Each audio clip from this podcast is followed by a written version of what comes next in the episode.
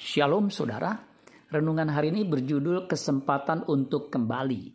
Ibrani 11 ayat 15. Dan kalau sekiranya dalam hal itu mereka ingat akan tanah asal yang telah mereka tinggalkan, maka mereka cukup mempunyai kesempatan untuk pulang ke situ.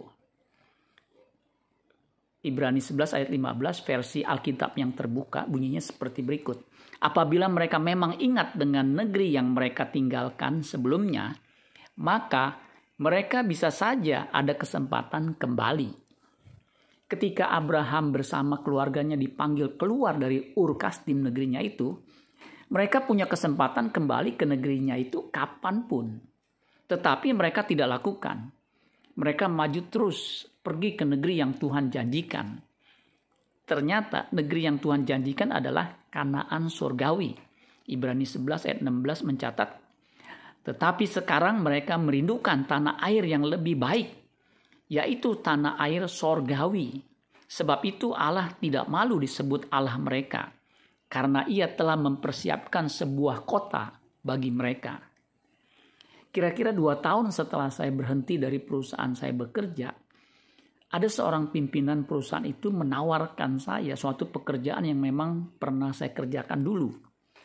Proyek itu sempat dihentikan karena satu dan lain hal dan hendak dilanjutkan kembali. Saya ditawarkan hanya untuk menyelesaikan proyek itu. That's it. Simple itu aja. Setelah kami berdiskusi, saya dan istri bersepakat untuk menolaknya, meskipun tawaran itu cukup menggiurkan. Ketika kita percaya kepada Tuhan Yesus, kita terhisap sebagai keluarga kerajaan Allah. Di bumi ini kita hanya menumpang. Dunia ini bukan rumah kita. Rumah kita yang sesungguhnya adalah di rumah Bapa Sorgawi. Fokus kita jangan sampai terganggu dengan keindahan dunia.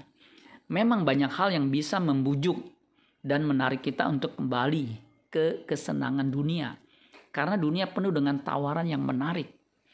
Abraham adalah contoh orang percaya yang taat sepenuhnya kepada Tuhan Allah, sehingga ia mencapai negeri yang Tuhan janjikan, yaitu Kanaan sorgawi.